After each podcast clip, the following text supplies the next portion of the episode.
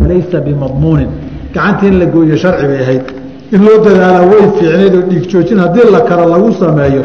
Laakiin hadduu u dhintay xaq baa laga fuliyey. Camalka xaqa lagugu sameeyo saraayadiisa iyo saamayntiisa dambe waa hadur wixii ay keento. Ninkaasi de aakhare allah u naxariisto. Laakiin sariqada wixii faahfaahinteedaa kitaab alxuduud bay ku iman doontaa insha allahu tacaala. Sheekh ma mehersanaysaa qof dumar ah oo carmal ah iyada oo aan weligeed idan looga helin iyaduna ay raalli ku tahay maya. Meherkaa waxba kama jiro. Nabiguna calayhi salaatu wasalaam lama gacan dhaafi kara buu yidhi laakiin wuu camimayo ayuma imra'atin nakaxat bigayri idni waliyiha fanikaaxuhaa baailun fanikaaxuhaa baailun fanikaaxuhaa baailun buu yidhi. Abuu hureyre wuxuu yidhi tasaa samaysa waxaan dhihi jirnay hiya zaaniya. Naag zaaniyadoo sharmuutaa wayaan dhihi jirnay buu yidhi. Marka meherkaas ma asaxaya welila-aan wey sheekh waxaan ku weydiiyey camdiga kaska maxdiga ah. Marka qisaasta laga cafiyo ee ay diyo xaala ah laga rabo qaatilka isla waktigaas maxaa la samayn? Hadduusan xoolo weydiisan xoolo haysan. De marka hore aad cafiyeyso ninaadan xoolo ka helaynin horta maxaabad u cafiy. Intaadan cafiyin soo daydaydhe xoolo soo waraysa inuu waxuun ku heli karo. Ama anuu waan dilidhe cid ku damaanaad qaadda xoolihii ilaad hesho. Laakiin adugu haddaad cafido xoolana kuu waayo fatibaacun bilmacruufi. Waadaamu ilahi bixsana si wanaagsan isaga daba soco iska daba jiiq wey wax kale ma yaalla sooma ma? Ka noqon kara hadday tahay cafiskii maya? Mar haddaan waa cafiyo mag baan raba aad tiraahdo? Mag waayey qisaastaydii baan ku noqon taa waa ku dhaafay warkeedii fursaddaa waa tagtay. Cafis lagama noqdo sidiisaba. Sheekhow qof kastamar ah qof kastamar ayaa alaab igaga tegey waxaan waxaana laga joogaa muddo laba bil ah. Alaabtana qiimaheeda wuu sii dhacayaa maalinba maalinta ka dambayso ee maxaan sameeyaa. Alaabta ixsaanku waxaa weeye iibi lacagteedana meel dhig. Yaboohi sidii baadidii xukmu daalatii aan soo marnayna qaatiin qofkan su'aalihiisa ay dambeeyaan laba horo saddex su'aalood horaa ka jawaabay fartaa ku qoran marka isaga waan dambaysiinaya hal qof baad moodaa.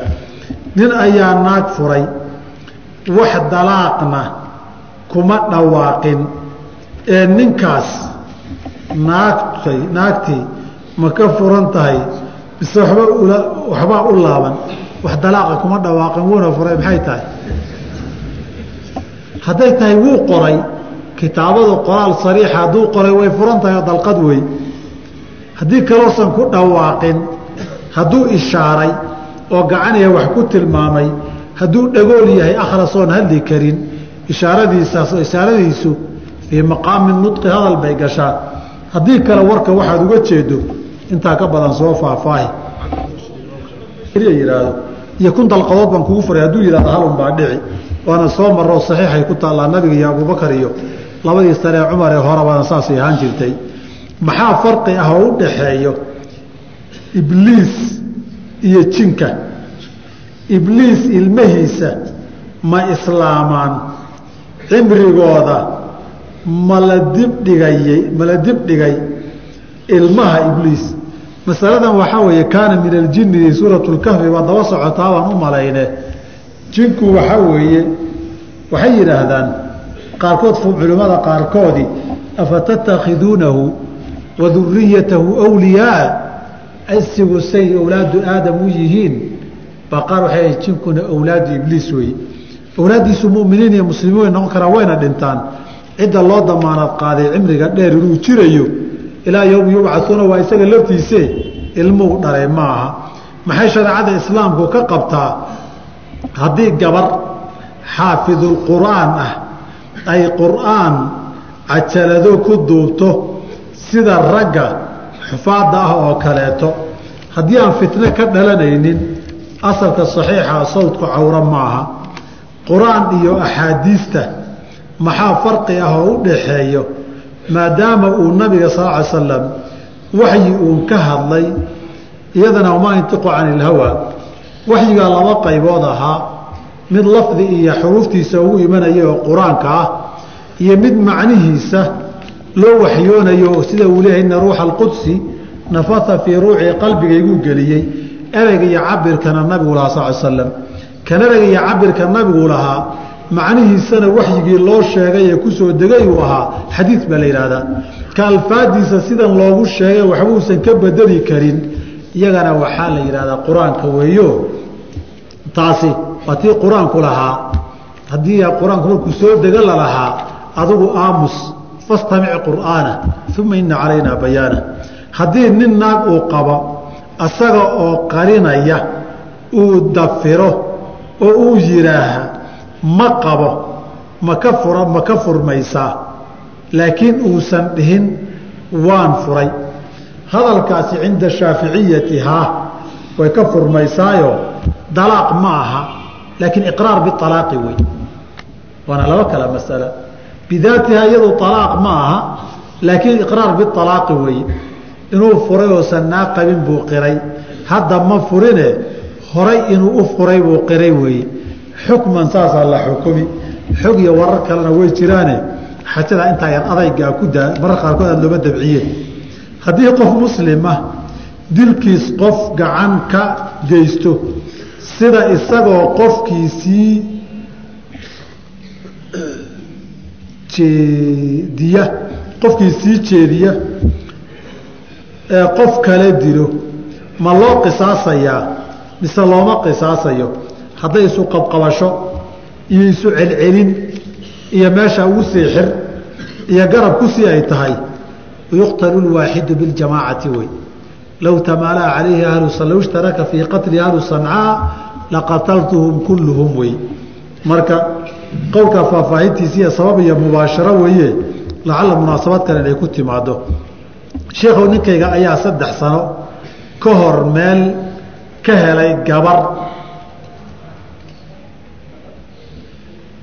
Horeyna iima suuragelin inaan muujiyo.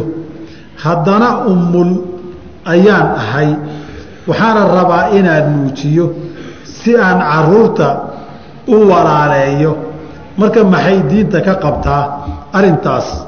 Intaa faahfaahin ka badan inkastoy u baahan tahay way dhici kartaa inay shabbahdo qisadii mawlaa saalim saalim mawlaa abi xudayfata inay qisadaa shabbahda way dhici kartaa. Si wixii faahfaahina mar baad igala soo xiriiri karto nin ayaa nin dilay wuuna cararay. Dadkii ninka laga dilay inay raadiyaan oo dilaani ma u bannaan tahay nacam haddaan fitni iyo fasaad ka weyn aanu ka dhalanaynin. Haddiise fasaad ka weyn ka dhalanayo munkarka lama inkiro si munkar ka weyn uga dhasho. Dad ayaa marka ay magac markii ay magta kala qaadanayaan waxay ku kala qaataan hashiiba qiimo uu gooyo neef adhi ah. Tusaale ahaan arrintaasi calaa kulli xaal qiimaha suuqeeda weeye xalagaynu ka soo hadalnay. Hadday qiimaha suuqa wixii ka baxsani hadduusan qofkii raalli ku ahayn waa dulmi iyo boob iyo xaqiisoo la duudsiyey wey sheekh asalaamu calaykum wacalaykum asalaam meel ayaan biil u saarnaa waxaan ka qaada waxaan ka qaadadaynaa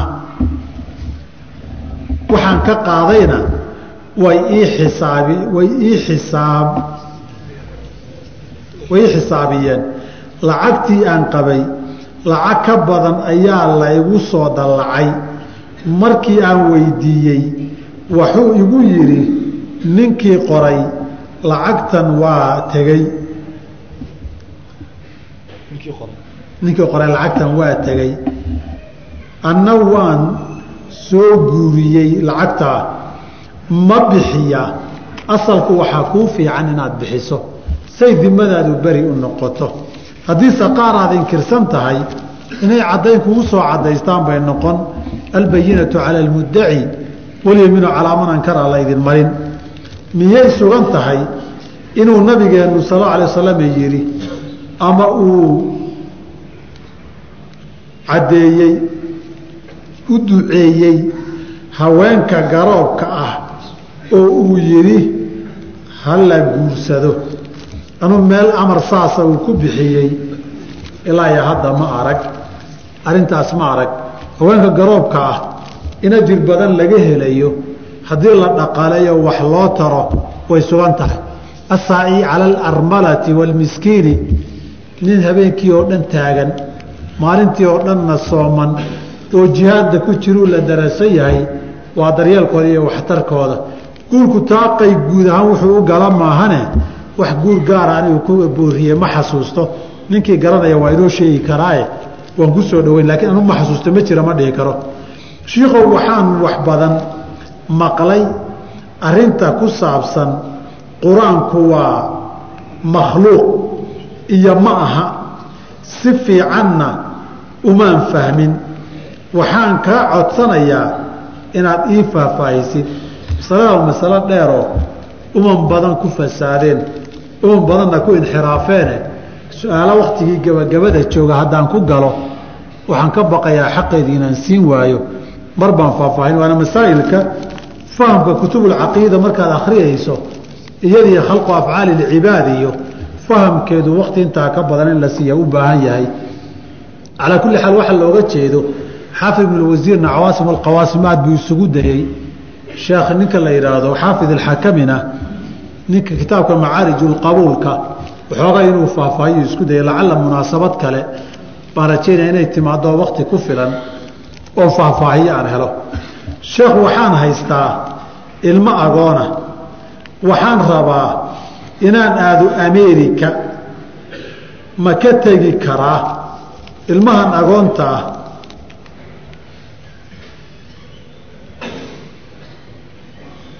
agoonta ah awliyadoodii oon idnin caro gaala asalaan horta inaad aadaan ma banaana inaad la aadana kuuma banaana ka tegitaankooduna waa waajib oo xadaanadaan ku soo marnayba hadday safrayso idan la'aan lama safri karto. Haddiiba bay caro gaala u socoto ubadkii tegay inta badan fasaadeen taasina ka sii dembi badanba. Su'aasha labaad dhar jaadka dharka jaadka laga gaday ma bannaan tahay in lagu tukado. De qofkii miskiin daruuradiisa ay u bannaanayd baktigu u bannaanaa ee cawradiisa wax kaloo ku asturo aanu haynin de waxaa weeye akhafu dararayn wey ninkii ka maarmi karase maya. Waxaad wax nooga sheegtaa ilmaha yar ee dhinta ee saqiirka miyay u shafeeco qaadaan waalidkood haa maalinta qiyaamo. Inay u shafeeco qaadaan nusuus badan buu nabigu ku caddeeyeye oo inay laazimaan oo ilaah ilaahad noo cafida ay yidhaahdaan. Nusuus badan baa ku soo aroortayoo fadlu man faqada waladahu. Bay culimmadu abwaab iyo kutub badan ka alifeen. Fadlu ljalad fii faqdi lwalad baa ka mida kutubta laga qoray. Shiikow salaada faralka ah markaan tukado gacmaha kor inta u taago ma ducaysan karaa. Maxay diintu ka qabtaa? Hadday baabulqunuut iyo tahay oo salaadan faradkaa salaad la qunuuda iyo sunnadeed u tahay fii maxalli lqunuuti ducada gacmaha kor waad u taagi kartaa. Haddiise aynan ahayn gacmuhu mar walba meel bay leeyihiin. Haddaad sujuudsan tahayna dhulkeena hayaan weeye anoo sujuudsan wejigaan u daayoon gacmaha kor u qaada lama ogola. Haddaad rukuucsan tahayna lowyahay leeyihiin. Haddaad ataxiyaadsanaysana halkaa bowdyaha iyo lowyaha in la saaray leeyihiin. Booskooda inaad ka qaadood meel kala geyso cibaadaadku waa tawqiifi asalka cibaadada jebinteedu ma banaana naag baa ninkeeda ku tiri ilaah ayaan kaa magan galay maxuu samaynayaa? Waa lagu yaqaanaa. Nabiga cala sala slam ibnatuljawn habeenkuu la aalqalgalay waxay ku tiri acuudu billaahi minka. Ilaahay baan kaa magan galay. Wuxuu ku yidhi laqad cudti bicadiimin alla weyn baad naga magan gashaye ilxaqii biahliki gurigiinni aad anuu reer kalaan daydayanayaaye gabadha ilaahay kaa magan gashay faraha ka qad nin ayaa isku diray laba nin. Kadib nin ayaa dhintay labadii la ysku diray. Qisaasta ma la wadaagayaa ninka isku diray ragga. Namiimadu waa xaraam. Asalna ma banaana nabigana waxaa ka sugan calayhi salaatu wasalaam inuu yidhi laa yadkhulu ljannata namaamun diradiraa jannada ma galo. Isagii raximgoyskaba waa reera naareed. Laakiin intaa ka badan qisaasta haddii aakhare ma loo qabsanayaa ha dembi weyna uu ka galay wey haddii laakiin qisaasta nin baa nin isku diray ninkiibaa ninkii kala dilay qisaas isaga waxba kuma laha. Dambaysa soma sharcigu muxuu ka qabaa waqtiga ku dheeraaday dadke sharcigu muxuu ka qabaa in qofka biyo iska keeno isagoo xaaraan ka baqaya ama caafimaad ahaan su'aashan sootaan idin irin ma aha. Qolyaha iyaga meelaha galbeedka ee ka yimid ee xaaladaha ka jira duruuftooda iyo maskaxdooda soo yar jilciyeen. Su'aalaha naga daayayso kaan waa hore idin irin maaha calaa kulli xaal qofku wuxuu marayaa wasiiladii sharciga ahayd asal ahaan.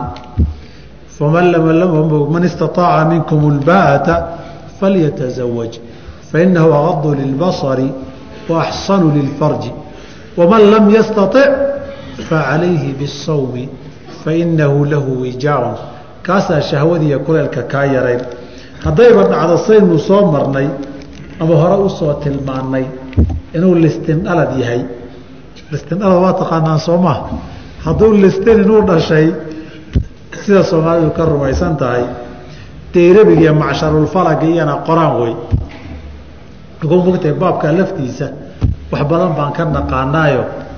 Nin geedku geli jiray looma gala la yidhi. Wadaad baa intuu kuu soo humbaaleeyo buu shamsulmacaarif iyo dayrabi mujarabaatu dayrabi lkabiir iyo saacatulkhabar iyo awfaaq iyo shamsulmacaarif iyo kuwaasuu kuu geli ama matnigii yaraa ee mukhtasarka ahae macsharulfalaki u yaqaana u macsharilfalaki uu qoray waxaasay kuu geliyo. Halkaasuu wax ka xuluulaysan marka ninku halkaasay ku sheegaan xidigaha iyo waxa lamidka aan ka soo hadlayna habeen dhaweytee haddii ay soonkii waxba ka tari waayo xaaraanna sidaa aada sheegtay uu ka baqo iska akhafu dararayn iska dheh cala alqowli bitaxriimiyo jamaahiiru ahlilcilmi ay qabaan. Masaladan faahfaahinteeda risaaladana xaafid shawkaani buluuqu lmuna fii axkaami listimna baad faahfaahinteeda ka raadinaysaa ninka wuxuu le nin suufiya wuxuu ii daliishaday ina allaha yuxibu lowna alakhdara. Ilaahay midabka cagaaran buu jecel yahay. De ma waa xadiid buu ku yidhi maadan sheegin. Ilaahay lownka cagaaran buu jecel yahay. Hadduu ku yidhi aayad weeyana sheeg dheh hadduu ku yidhi xadiidna waxbaan ka dhihi lahaa mana taa waan garan waayey mana aanan inkirin kumana waafaqin. Inaan noo caddaysaan rabaa. Midabka cagaarani qur'aanku meelo uu fadaa'il u sheegay way jiraa hiyaaban khudran min sundusin wa istabraqin hiyaaban dhar bay ahlu jannuhu khudran oo cagaaran. Dharkay ahlu jannuhu dhar cagaaran yuu ka mid yahay. Oo culimmada qaar u daliishadeen waxyaabaha u qurux badan waxaa ka mida midabka cagaarka ah bidaliil ahlu jannuhu dharkay xihanayaan qur'aanka in lagu sheegay inay khudran cagaaran tahay. Suurat raxmaan aakhirkeedana maxaa ku jiray? Muttaki'iina calaa rafrafin khudrin. Gubashiina wataa soo maarta way cagaaran tahay. Cagaarku indhuhu u roon yahay. Haddi cagaarku inuu sidaa yahay la garaye ilaahay baa jecel saanu meella kuma arag. Waxaan dhihi lahaa ku noqoo waxaad soo weydiisaa waxan maxadiid baa dheh hadduu xadiid wala yidhaahdo markaasayn firinaynaa su'aal labaad buu keeno wuxuu yidhi anu ashahaada fii sabiili illaahi baan raadinayaa. Calaamadaha shahaadada xaqa lagu garta fii sabiili illaahi ii sheeg oo inaan shahaadada agteeda aan kaga sooci karo musayafada hal calaamad baa asaas ah waxna calaamado daahira weeyo. Wixii aad shahaadada ku gelaysa waxaa shahaada siyaabo badan baa lagu helaaye hadday shahaadatulmacraka ay tahay waxaad u jeedata jihaadka dagaalka hadday tahay hadduu nabigu a waa kila haddii shahaadada ummadda tan keli wey aad tidhaahdaan innahaa idan la qaliila way yar tahay. Way ka badan taho anwaac badan buu sheegay. Almacuunu shahiidun waalmabtuunu shahiidun waalghariiqu shahiidun. Waa kii waxyaabaha tirinayay.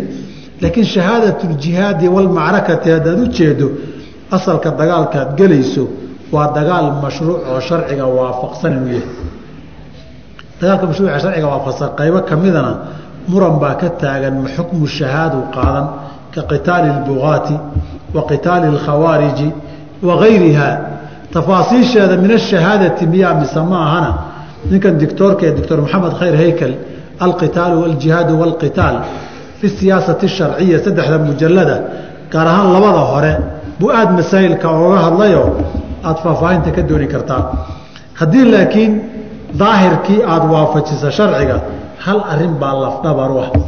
Man qaatala fii sabiili takuuna kalimat llaahi hiy alculya wallaahu aclamu biman yuqaatilu fii sabiilih man qaatala fii sabiili illaahi jidkii alla nin ku dagaalama.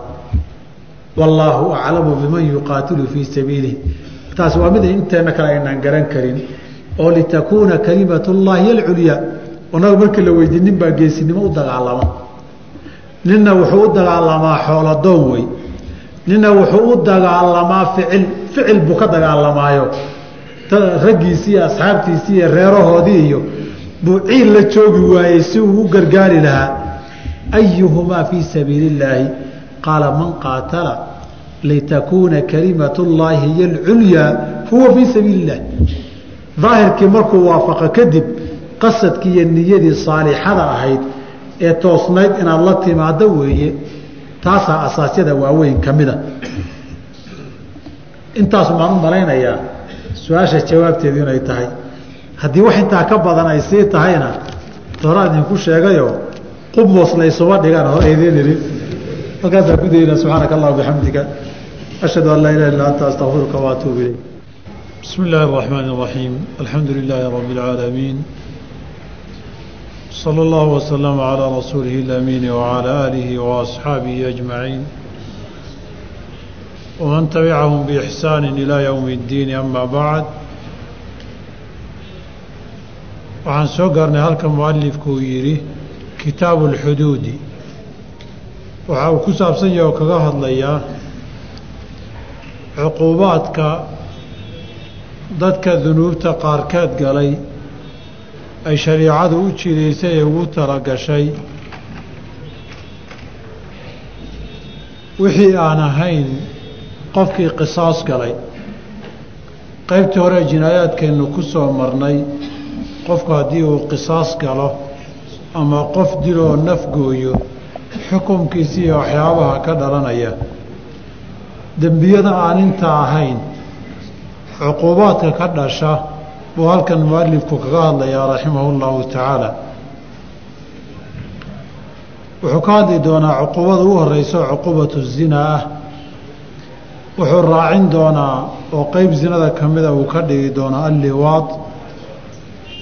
Cuquubada qadafkuu ka hadli doonaa. Shurbu lkhamri khamriga lacabiya maandooryuhu ka hadli doonaa. Sariqada iyo tuugaduu ka hadli doonaa xiraabada kuwa jidadka gooyee dadka waddada u dhigtee hubaysan buu ka hadli doonaa. Qofka gaaloobay qofka salaada ka tegay iyo tacsiiraadka qaarkood sida qitaalu lbuqaat iyo wax lamida waa in shaa allahu tacaala kitaabu lxuduud mualifku kaga hadli doonaa. Waxaa mudan laba mas'alo inaan xasuusiyo maadaama baabulcuquubaad aynu ku jirno. Masalada koobaad markii qawaaniin iyo xeerar la dejiyo dadkana qawaacid ay raacaan loo sameeyo. Aadamuhu waxa laga reebay ee daa la yidhi buu dabeecad ahaan in badan jecel yahay.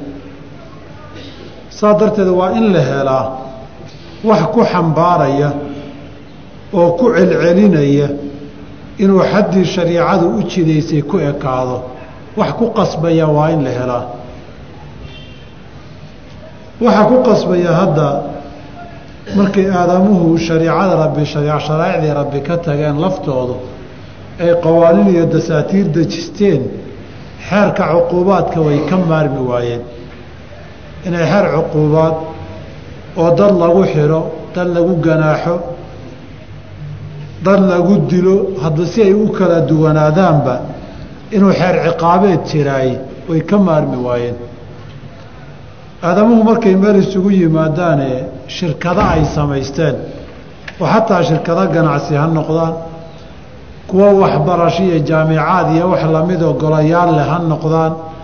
Waxay ka maarmi waayeen wax kala haga iyo waxyaabo mamnuuca inay sameeyaan. Marka qofkii waxyaabaha ku dhacee tallaabsada inay cuquubaad sameeyaan waa ka maarmi waayeen.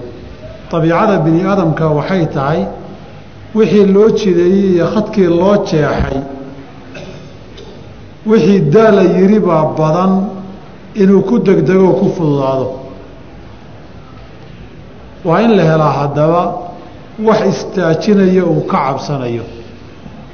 Mu'ayidaadka waxa la yidhaahdo almu-ayidaat asharciya ay u yaqaanaan culimmada fuqahadeenna mutaqadimiintii qaybo kamida iyo qayb mucaasiriinta intaba.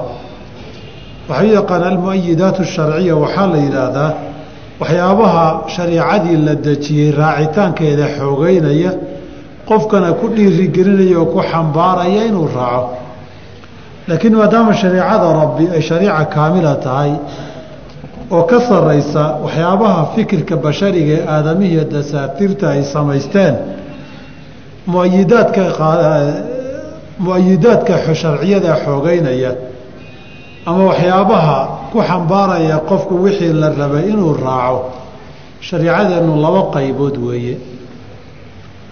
Waxyaabo adduunah iyo waxyaabo aakhira. Ah tan aakhiro dhammaan dasaatiirta iyo qawaaniinta fikirka bashariga way ka maqan tahay. Taa qawaja tan aakhiro ah waa labo iyada lafteedu imaa qofka in lagu dhiirigeliyo hawaab loo sheego jannaad ku geli ajirkaasaad heli dembi dhaaf baad heli darajooyinkaasaad ku heli aakhiro qabri cadaab baad kaga badbaadi in loo sheego wax dhiiri gelinayo isu hanqaltaaga inuu helo sidaa darteedna xaddii sharciga ahayd iyo xuduuddii u laasimo u ilaaliyo. Alaban lithawaabi wa imaa cagsigeeda inay tahayoo min baabi takhwiifi ay tahay inuu cadaab galo inuu naar muto in qabri lagu cadaabo dunuubta jazaheeda aakhire ee la sheegay. Hadduu jazaa xasana yahayna waa dhiirigelin. Haddii uu jazaa ciqaaba yahayna waa cabsiin. Labadabana waxay isu kaashanayaan oo ka qayb qaadanayaan inuu qofku taa isagoo tixgelinaya xuduuddii shariicada raaco walidaalika uu qur'aankeenu ku tilmaamay wasfiga dadka muuminiinta yadcuuna rabbahum khawfan wa amacan marna ajir iyo hawaab bay rajeynayaan markay rabbigood caabudayaan ee jidkii raacayaan. Marna way cabsanayaan oo ciqaab iyo cadaab aakhiray ka baqayaan maadaama qofka muslimkii uu aakhiro rumaysan yahay tan aakhiraa kaga weyn isaga mid yar yaroo adduunka walidaalika caamilkaasi sababaya inaad hawaab rajayso ama ciqaab ka cabsato oo kugu xambaaraya inaad salaadii waqtigeedii ku tukato bishii ramadaan oo keligaa tahay inaad soonto oo keligaa guri kuu xiran yahay aadan koob biyaha cabbin. Indhadad iskama ilaalinayside in lagu og yahay iyo cabsi baa kugu jirta taa haddii aad u fiirsataan axkaamta shariicada in badan oo ka mida kitaabka qur'aanka marka la sheego ama waxaa laga hormariyaa ama gadaal lagaga sheegaa ama dhexda ku timaada taqwada ilaahay. Taqoya alla cabsidii baa ku lamaan sababtoo ah qofku damiirkiisa iimaaneed iyo damaca uu hawaabka aakhiriya rajada uu ka qabo ama cabsida cuqubada aakhira uu ka qabaa qofka mu'minkaa haddaba iimaankiitiisu intuu dhan yahay kaga weyn waxa yaryarka ee adduunyada. Walidaalika waxaa la yidhaha cabdullaahi bni cumar radi allahu canhu wa ardaah baa wiil yaroo addoon ahoo nin leeyahay oo ari la joogu soo maray inuu imtixaanu rabay marka. Yaa tahay saasaan ahay saasaan markuu isu sheegay buu wuxuu yidhi adeerow ariga neef iga markaasuu wuxuu ku yidhi ariga aniga melihiio ninka sayidkaygaa iskale kama gadi karo. Markaasuu wuxuu yidhi odaygii inama arkay oo labadeenna keliya weeye iga gad. Yaa og ruwaa baa dilay ku dheh. Markaa tagtana waraabaa arigii ku dhexdhacayo neefkii hebelaha la tegay dheh. Tuamusay wuxuu yidhi warniyaho adeerow ka soo qaad inuusan ina arkin. Soo ilaahay nama arko ibnu cumar waa tegey ninkii wiilka lahaa buu u tegey uu ka iibsaday wuuna xoreeyey. Wuxuu yihi ninkaasi nin caaqibala wey marka ilmaha yar ninkaa dhallinyaradii waxaa u diiday neefkaa inuu gado. Hadduu gado xoolo uusan lahayn oo tacadi sameeye aakhare cuquub ogyahay. Marka damiirkaaga xayigii haddii intuu aakhiro raje iyo hawaabka iyo cabsi ciqaab ka qabo baa waxaa la yidhahdaa qeybta muayidaat sharciya qeybta aakhira la xiriirta. Waxay culamada intaa ka badan ka sii hadlaan muayidaadka sharciga ee aakhiro ka hadlaya maxaa cabsi iyo hawaab looga dhigay? Waxay dhahan abaa'icda basharka baa laba qaybooda oo inteenna hadda ducaysta intii la yidhahdaa mid walba haddii laga soo duubo nina maantao dhan jannaunbuu weydiisanaya oo rajaha ku badan. Nina maantao dhan naarunbuu ka magangelayaa ka cabsanaya cabsidaa ku badan. Ninba dhan baa u daran. Nina cabsidaa u daran nina rajaha ku badan oo dhinacana u daran. Hatee naftee u janjeersata ay kala duwan yihiin baa loo tanwiiciye oo loo kala duway. Hadafkuna waa shariicada in la raaco sidii yoolka wanaagsan ee la hiigsanaya loo gaaro kan kalena looga boqo. Amaa adduunyadu cuquubaadka shariicadu ay dejisay marka cuquubaadka la dejinayo ujeeddadu ma aha ama sharaa'icda rabbaaniga ha noqoto ama xataa fikirkan bashariga waxay dejiyaan ha noqotee hadafka cuquubadu ma aha qofka in wax la yeela ma aha. Hadafka cuquubadu waa dembigan inuunan dhicin hadduu dhacana aanu soo noqnoqonin wey. Markii la qofkii qof dilo hala dilo hadafku qof in la dilo ma aha. Hadafku waxaa weeye qof waliba inuu ka cabsado qofka dilkiisa saa darteed walakum fi lqisaasi xayaatun baa layidhi ninku markuu ogaada isna in la dilaya dadkuu daynayaa saasaa la rabaa.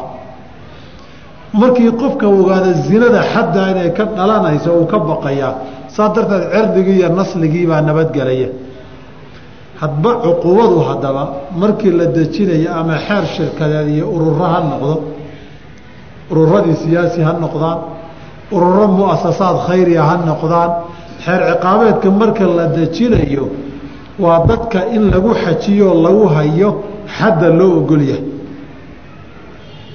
Qofkii far dheeraatay noqda ama xarig lama sitaan noqdo isagoo xuduudii jabiyana waxaa cuquubada loo saarayo aargoosina ma aha. In isaga markii wax la yeelayo lagu raaxaysanayana ma ahane waa inaan markaa kadib aynan dhicin.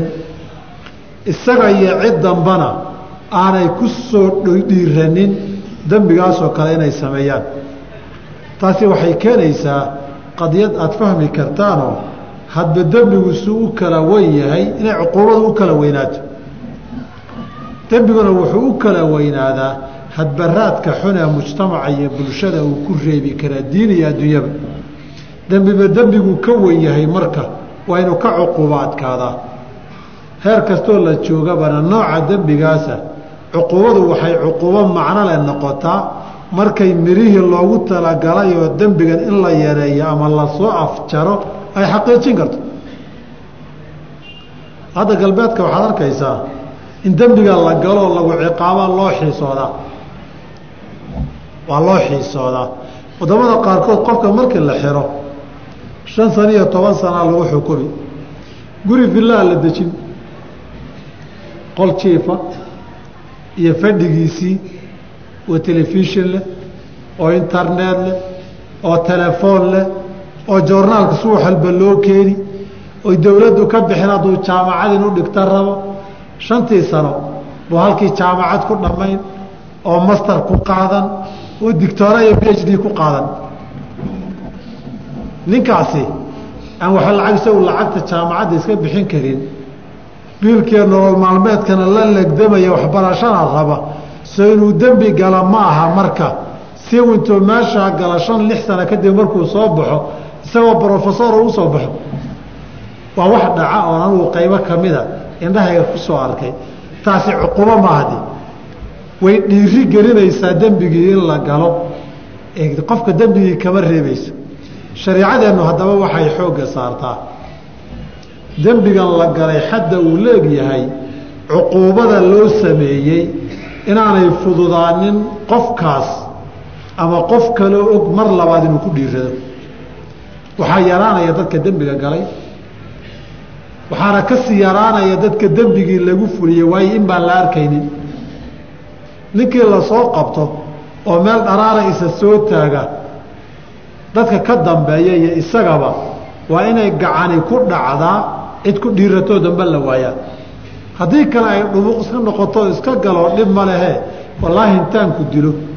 Oo laba sano la ixirayna haddana anoo socda. Jeerkiina guriga ugu iman hadday noqoto nin baa nin dili. Wuu qirani. Maxaa kale soo istaaga gilti buu leeyahay dambiilaan ahay waan dilay. Saddex sanaa la xiri. Saddexda sano meel hotel og bu iska jiifi. Kadibna magaaladu dhinaciisa ka raaci nimanka ninkaad ceel u qabtay iska dil sawma xataa xoolihiisa la qaadan maayo. Akawna bangiyuu dhigi ribayi interestibaa u fuili isagoo jaamacadna soo dhigtay. Lacagtiina ribo badaned waa gaala intay u fuusha ay u badatay. Buu saddex sano kadib soo bixi. Mana cuquubaadka noocaas oo kaleetaa waxay uga dhowdahay mahsale iyo ciyaar bay uga dhowdahay inay noqoto cuqubo qofka xadayso dembiga iyo jariimada hor istaagta. Halkaasa waxaad ka fahmi kartaa qaacidada culimmadana yihaahdaan sharcigu wuxuu u yimid lidar-i aw taqliiliha mafsadadii in la soo afjaro oo la xero haddii la xidi waayana inta ugu badan ee la yareyn kara la yareeyo hadba cuquubadu nooca ay tahay baa qayb ka qaadan tusaalahan sariqadaan ka soo qaadana tuugada haddii aad aragteen idinku annagu waxaanu gaarnay intii xuduudda laga ogi jiray waddanka sacuudiga magaalada madiina oo salaada marka la adimo dukaamada dahablehee masaajidkan ka waaweyn oo albaabadu furan yihiin salaada laga doonto oon qof ku dhaca jirin intuu gala inuu wax ka qaado. Dahable buuxa oo masaajidkan la eg oo albaabadu ballaqan yihiin oon cidi jooginoo salaad laga doontay. Halkee salaada looga doontay ilaa masaajidka sigiska iyo beel fog. Buu ninkii lahaa jira albaabkuna waa ballaqanya nalkuna waa shidanya cid ku dhacda inay gasho ma laha. Maalin baan sanagoo soo daahnay baan gadaal ka nimid. Laba nin baana hor socotay. Kaasaan dahabla hormarnay labadii nin dahablihii bay fiiriyeen. Way socdaan afka isa saareen. Way fiiriyeen afka isa saareen. Way fiiriyeen. Intaana way socdaan. Socodkiina waa gaabiyeen. Annagana waxaas idhi kuwan damac baa hayee fiiri maanta. Markii u dambeysay mid baa gacantiisa intuu fiiriyey way iska dhaqaaqeen. Waxaa meesha haddaad gasho tanaa maqan tan intay maqnaan lahayd hore u soco wey mana ninkiina wuu soo tukaday wuu iska soo noqday. Waxaad arkaysaa meelaha qaarkood ilaa iyo hadda maka suuqaasaa alaab badan u taalla caawa markuu galbanaya maruu ku dadaya wuu iska galbanaya. Albaab ma xidhna oo gidaar ma laha maraa ku dada somaydaan marka xajka haddaan? Iyadoo xaj weliba tahay oo ummadoo dhan isu timid. Oo laga yaabo qofkii waxaday inaan laba helin. Buu mare ku dadayaa waa aahaartii iyo natiijadii nabadgeliyadii nin waliba markuu soo mare wax qadiraada gacantiisuu daymoonayaa iridu ka baxayaa marka qadaayaadka cuquubaadku asal ahaan waa inay miro yeeshaan. Si dadka dembiguna u yaraado dadka lagu fulina sidaa abcan sidoo kale u yaraado. Saas darteed qadiyadda labaadeen raba inaan baraarujiya waxaa weeye dadku waa laba. Qof dembi galay iyo qof beriah qof beriya cidima qabsato qof dembi galayna cidina madayso ama sharaaci diiniyo rabbaaniya ha noqoto ama xataa qawaaniinta bashariga ha noqoto. Hadda halka kenya joogtaaye haddaad dembi gasho inaan laguba arag waa gaar. Laakiin haddii lagu arko ma lagaa iska dayn.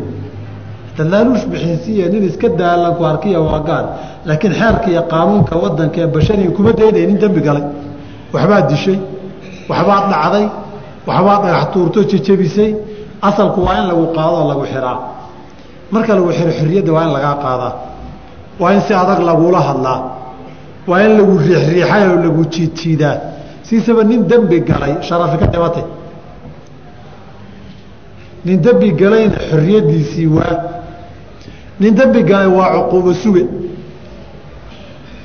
cuquubuu sugayaa kadib cuquubadii hadba dembigu galay ku xihan tahaye war ninkan maxaa saa loo yiri ninkan maxaa loo qabtay ninkan maxaa loo xihay isagu muxuu dembiga u sameeyey.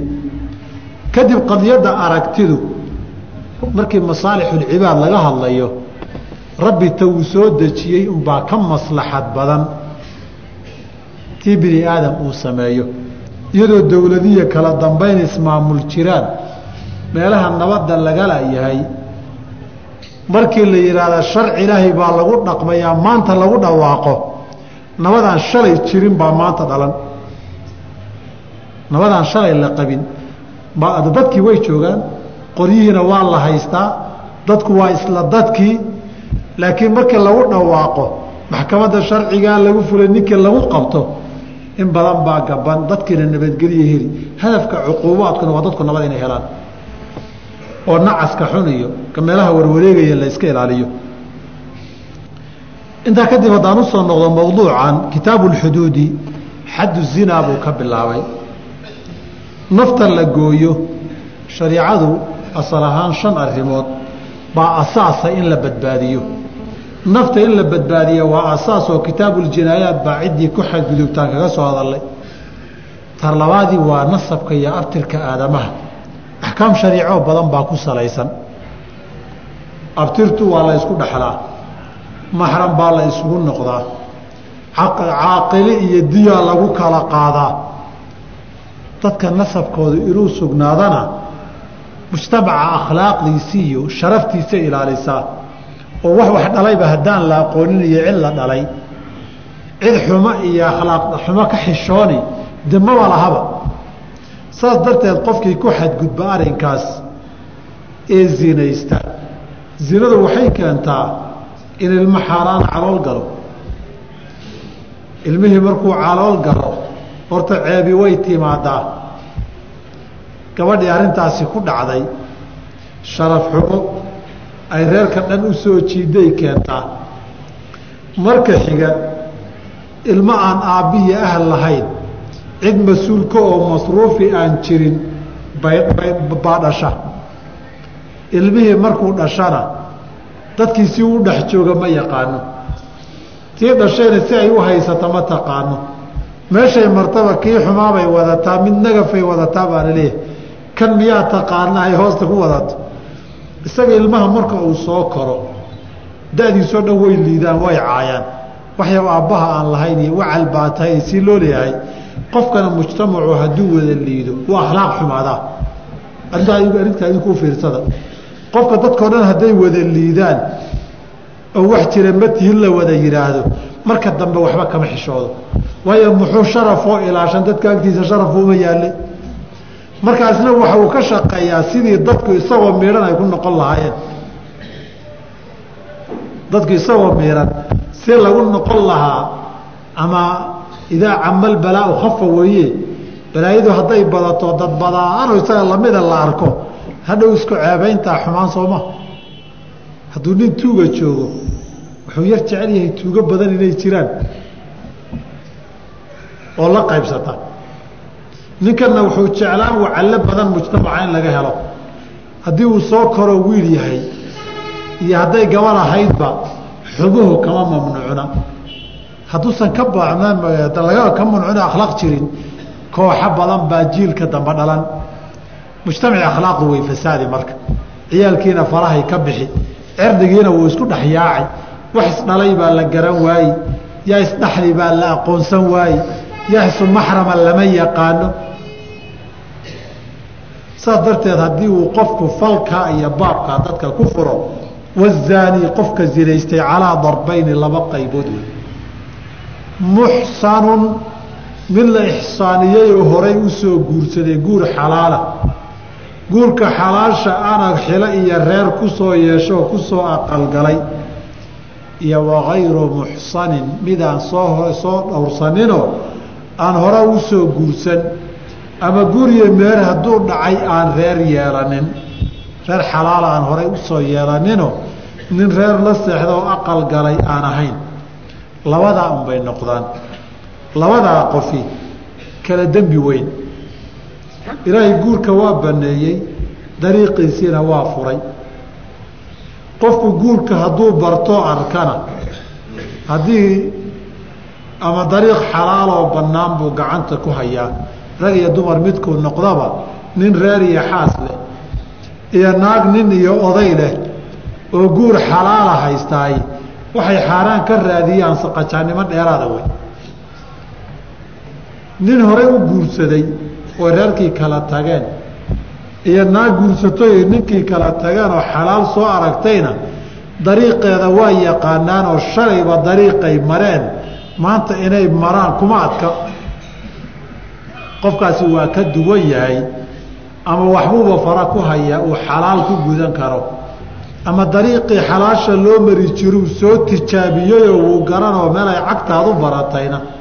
Cagahagu si fudud bay ku mari karaan. Qofkaasi waa ka dembi badan yahay. Qofka kalena hore wuxuu arag.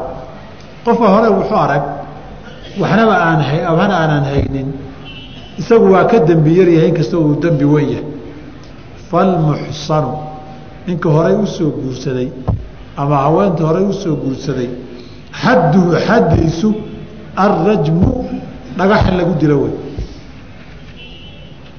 waa in dhagax lagu dilo hadday sugnaato sugnaanshahaasi ama isagu haba iskeenoo ha qirto ama markhaati ku filan ha loo helo haddii uu qofkii muxsanka ha sinaysto xaddiisu waa rajmi dhagax in lagu dilo nusuustuna way sheegtay kitaab iyo sunno ah muslimiintuna waa ku ijmaaceen oo waa isku raaceen ama nusuusta kitaabka qur'aankii aayadan lafdigeedii la nasakhay xukumkeediina baaqi yahay oo suuratu nuur ka mid ahayd bay axaadiidta nabiga ka sugani sheegtay sala allahu alayh ali wasalam oo ahayd ashaykhu waashaykhatu idaa zanayaa farjumuuhuma albattata nakaala min allah wallaahu casiizun xakiimun. Aayad qur'aan ay ahayd.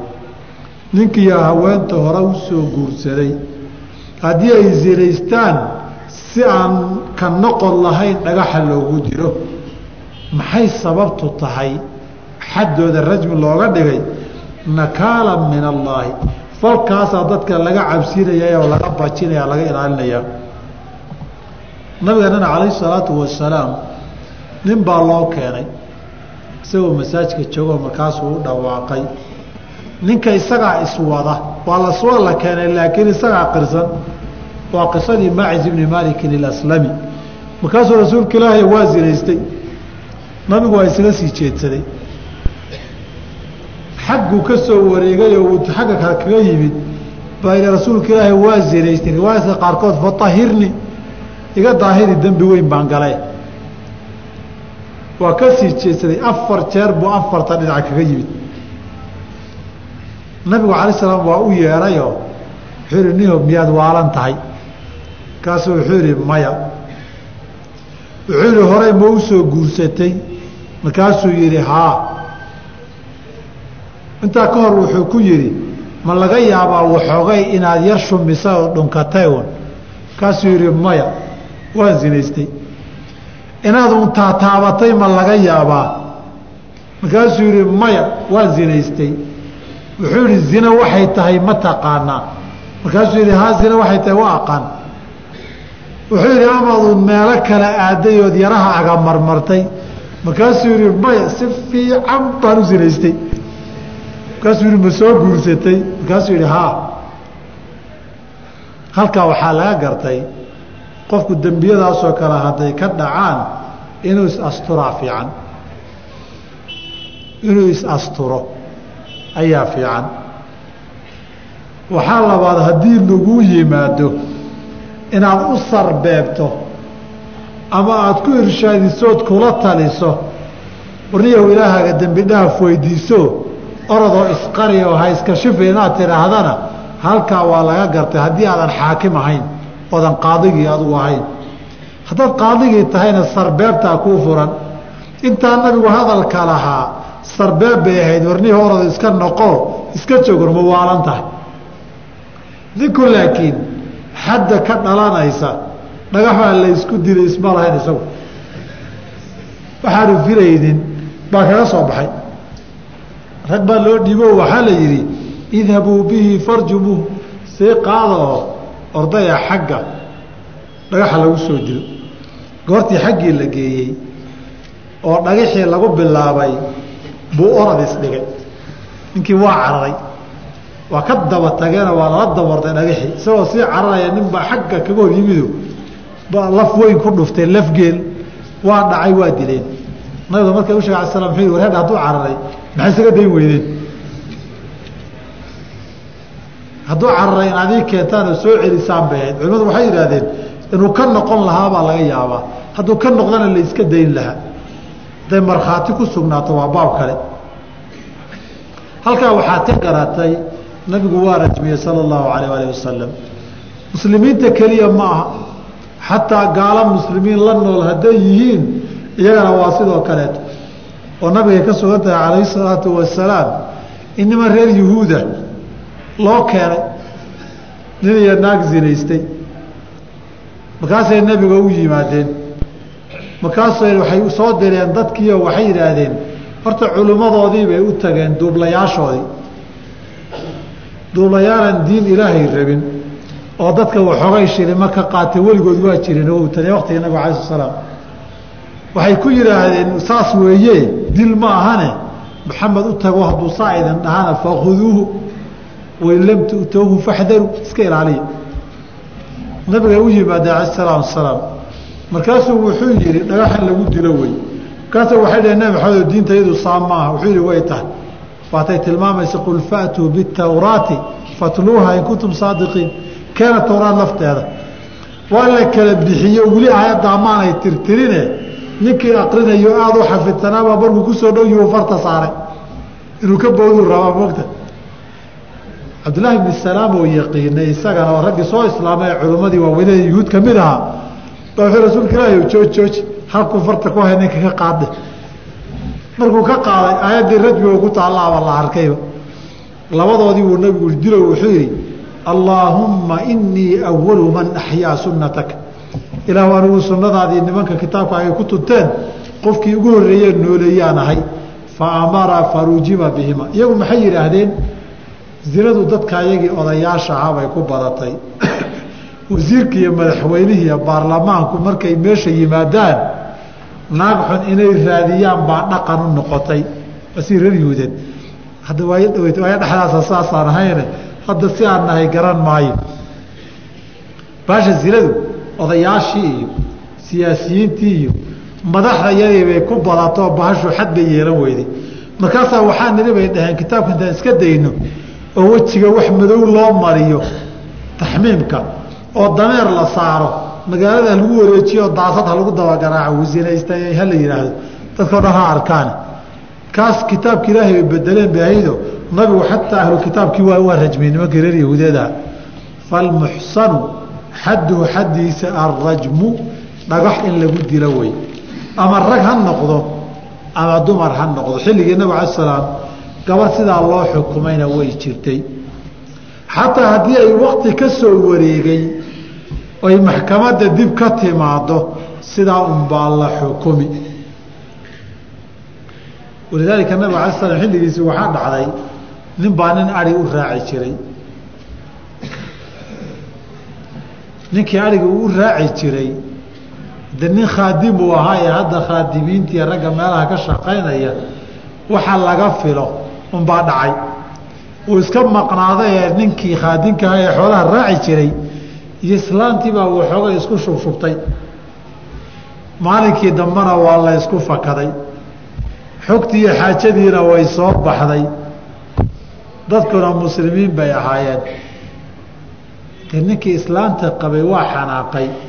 Ninkii wiilka dhalay baa u yimid warhaadhaniyahow xeer jacab aanu ku dhamaysanne maxkamadda hayna geyni ninkii wiilka dhalay waxaa loo sheegay wiilkaaga waa la dilay haddaad geyso boqol neefoo wiilka magtiisii uu bixiyey wiilkiisina wuu kaxaystay. Magaaladuu yimid dadkiibuu dhegedhegeeyey wiilkiisi horey u guursaday ma ahayne boqol shaabuu keliya lagu dhufan buu ogaaday. Dacwadii buu keenay nabigu rasuulka ilaahi saasaa dhacday ninkaa boqol geelu iga qaatay heshiiskaa beentaan gallay. Nabigu waa kii unays diray waqdu yaa unaysu ilaa mra'ati haada nabigu wuxuu yihi wiilkaaga geelaagii waa celis wiilkaagana boqol shaabuug iyo sanad masaafurisa wey. Unaysow ciidanka qaadoo ninkan haweentiisii ku kalla. Fain ictarafat farjumha. Hadday qiratana dhagax ku dil naag reer laba iyadoo ahayde saa darteed labada qofay zinaysatay midkoodna hadduu muxsan yahay midna aanu ahayn laba xugun bay kala qaadan. Wakayru lmuxsani midkaan muxsanka ahaynan horay u soo guursanay xaddu xaddiisa miatu jaldatin boqol jeedal iyo wa taqriibu caamin sanad in la masaafuriyo weeye ilaa masaafati alqasri meel salaad lagu gaabin karo haddaba nabig ala slaam ninkaas waa ku yidhi wiilkaaga waxaa laga rabaa jaldu miatin wa taqriibu caamin mar kalena nabig ala xadii wuxuu ku yidhi albikru bilbikri jaldu miatin wa taqriib wa sanatin wahayibu bihayibi arajmu saasaa mar kale waa ka xadii mascuud yihi laa yaxilu damu mri'in muslimi ilaa biixdaa alaain waxaa ka mida ahayibu الzaani qof horay u soo guursadoo zinaystay in la dilo weeye sharcigu. Maadaama zinadu dembiga intaa ay leedahay qofkii dariiq xalaala haystay oo xaaraan ku daray ama isagoo dariiqa xalaashaa soo tijaabiyo sida loo qaada yaqaan xaaraan ka doorbiday nin dadka in laga qabta mudan weeye. Waayo dariiqii xalaasha ahaa waxaa kala macaanaaday midka xaaraanta ah. Dariiqa xaaraanta ku ku nuqnuqodkiisa hadduu bartana ummaddii wuu fasaadin. Ama wiilashii buu fasaadin iyo raggii hadday haween tahay. Ama dumarkii iyo gabdhihii buu fasaadinoo maalinba mid buu u sheeka xumayn qofkani wuxuu rabaa wacalo badan dadka iyo wadanka inuu ku abuuruu rabaa. Waa wax mudan in laga qabto haddaan hadda intuu dhow yahay la gaarin oon ummadda hilib xunkan la goynin wax ka xun buu sii dhali. In isaga la daayoo la ilaaliyo waxaa ka mudan in mujtamaca diintooda iyo akhlaaqdooda la badbaadiyo. Xubinta jirkaaga ah hadduu kansar ku dhaco waxaa loo gooyaa soo ma aha yuusan inta kala saamaynin haddaad tiraahdo xubintan xuquuq bay leedahay maxaa loo goyn intii kalena ha galaafato wey. Kan haddaad tiraahdo waa xubin fasaaday. Waana fasaad iyo cudur faafayoo socdo wey. Cudurka faafayee socda dadka haddaan laga qabanna dadka wuu baabi'in diintoodii iyo cirdigii iyo nasabkii dhannaabuu baabi'in. Kani waa rag iyo dumarkuu dooni ha noqdee dembi in la soo afjara u baahan weeyo. Aan xarigga xataa inta loo deeyo daaye loo dheerayn karin. Saasaa loo xukumay. Dantu waxay ku jirtaa isagana in la dhaafiya dadka. Inta kalena ay nabad gasho. Ninkii sidaa ogna hadduu maalin fakado maalinka labaad inuu ku noqon mu malaynaysaa? Meesha la soo taagaya nin og dhuumaal dembiga cidima celin karto. Laakiin dembigu inuu soo ifbaxo oo banaanka lala yimaadaa la diidan yahay. Waxaa cuquubaadkaasoo dhan loo jideeyeyna cuquubaad ilaahiya ka dhalanba fasaadka dadka intaan la gaarin. Oo nabig ala slam waa kii sheegay saddex markay dhacdo saddex baa dhici doonta. Markay heesaha iyo fanaaniintu bataan daroogada iyo maandooriyahana meel walba lagu cabo zinaduna dariiqa ka qaadqaado ay noqoto. Dad baa ilaahay doofaari iyo daanyeero ka dhigi doonaa waxaa iyagoo dadoo laga seexday iyagoo doofaar iyo daanyeera loo soo toosi doonaa. Nabig ala slam waa kii xadiidkii cimraan ibn xuseyn iyo caaisho iyo abi umaamiya duruqda badan laha lagaga wariyey muxuu ilaahay aadamo daanyeere iyo doofaaro uga dhigay dembiga weynankiisaad garan? Bahasha zinada saa darteed cudurana waa leedahay akhlaaq xumo dhaqan xumona waa leedahay. Aadamahu cadaab noocaasa ku soo degana way leedahay in laga hortaga mudan marka. Maanta laakiin siyaabo kala badan baa linoogula dagaalamayaa wa taqriibu caamin sanad in la masaafuriyo. Waxay leeyihiin waxaa loo masaa sababta loo masaafurinayo qofkan meel buu xumo ku sameeyey. Dadkuu xumaha ku dhex sameeyey iyo dariiqii uu marayna wuu yaqaan labadii qof baa laba meelood lagu kala tuuri oo la kala masaafurin si aynan maalin dhow isugu soo noqonin. Xaaladdaasi waa xaaladda mujtamaca nadiifihi jiro oo qofka magaalada uu ku cusub yahay markuu yimaado uu ka baqaya cidba inuu la hadlo ilan dadkii ma kala yaqaana intooda xun iyo inta fiicane. Laakiin haddii mujtamaca fasaadku camimo ninkii meelaan laga aqoonin markuu yimaadana ay uga sii fududahayba zinadu qowlka fuqahada qaarkood ay qabaan baa xikmadda u dhow oo ah sanad baa la xiraya oo xabsi la geenayaa haddii xabsi marka la isgeeyo sanad kadib yaa nool yaa dhintay. Dadkii yaa isyaqaana xiriirkii iyo calaaqadii iyo saaxiibtinimadii iyo wada sheekaysigii waa la kala guuri. Sanad kadib markuu soo baxo doonta socota dadka meeshuu kala qabsan lahaabaa u furan masaafatu lqasri waxay ugu xidheen daliil caad oo gaara ma laha intaan ogahay laakiin waxay dhaheen wixii masaafatu lqasri jamhuurtu ka sokeeyaay fii xukmi lxadar buu qabaa nin nagi weye ninkana waxaa la rabay nin yar masaafurun cimri masaafura oon meella ku nagayn oo bayhoofa inuu noqdaa la rabay. Fii xukmi lxadar oo salaadihii uu dheeraynayo meel dhow la geeyey kuma jirta yidhahdeen allaahuma fii mas'alati alxabsi in la aada maahane. Wa sharaa'iu lixsaani shuruudaha ixsaanka ah ee ninkii markuu hore iyo haweentii markay horay u soo guursadaan ay dhagax in lagu dilo mudanayaan kadib hadday zinaystaan arbacun afar weeye kow albuluuqu waa inuu qaangaar ahaa markuu guursanayey hadduu hadda sabi yahayba weli ama markii loo guurinayay weli isagoon qaangaarin uu reer yeeshay taasi wax ka soo qaad ma laha waalcaqlu waa inuu wax garanayo markii horena wax garanayay majaaniinta afcaashooda iyo tasarufaadkoodu axkaamba ma lahaba waalxuriyatu inuu xor yahay weeyo addoon isagu rajmiba ma lahaba ixsaanna ma yeesho nisfu maa cala almuxsanaati min alcadaabi weeye dil maa laba u qaybsami kara dil laba ma noqdo mar hadduusan dil laba noqonin isaga cuquubadiisi iyo xaddiisu waa wixii qaybsami kara oo keliya. Wa wujuudu lwaطi galme iyo u tegitaan in la helo weeye fii nikaaxin saxiixin. Nikaax saxiixa uu ugu galmoodo ugu taga haweentii. Ama haweentii inay u tegitaan dhaco iyo xiriir gogoleed inuu dhacana waa shardi haddii la ismehersaday ase aan la is arag ixsaan maaha waa in xiriir gogoleed dhaco waa inay markuu dhacayaay lafteedu nikaax saxiixa uu jiro